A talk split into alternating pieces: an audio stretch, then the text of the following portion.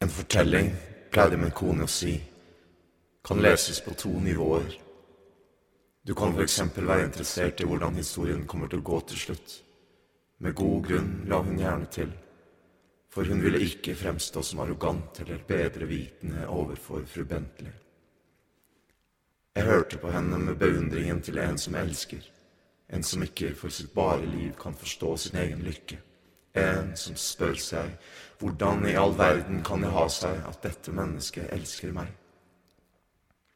Ved andre anledninger, når ministeriet sendte meg ut på spesialoppdrag og reiser, gjentok jeg min kones ord under de grandiose middagene som ble holdt til min ære. For ofte ble det snakket om bøker når jeg var der. Vi hadde alle en uuttalt overenskomst. Offisielt støttet vi helhjertet selskapets lange tradisjoner, Skriftens forsvinning og de godene det hadde ført med seg.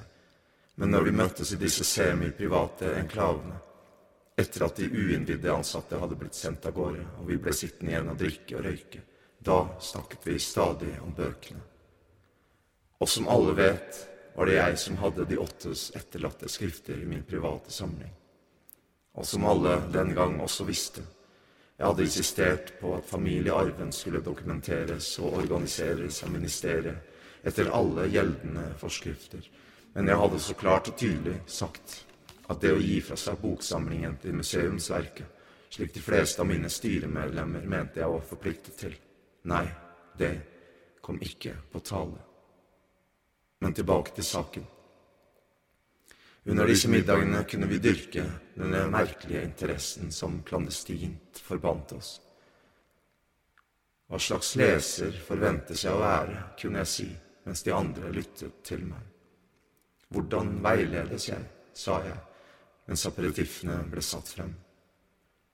Vi vil vite hva som skjer, sa jeg, men også hvordan det som skjer, blir fortalt. En historie krever at leseren spør seg og så Men de gode historiene krever også at man spør seg hvorfor. Å forstå krever intelligens og hukommelse, pleide min kone å si, og jeg gjentok det ofte ordrett foran den bergtatte, tause forsamlingen.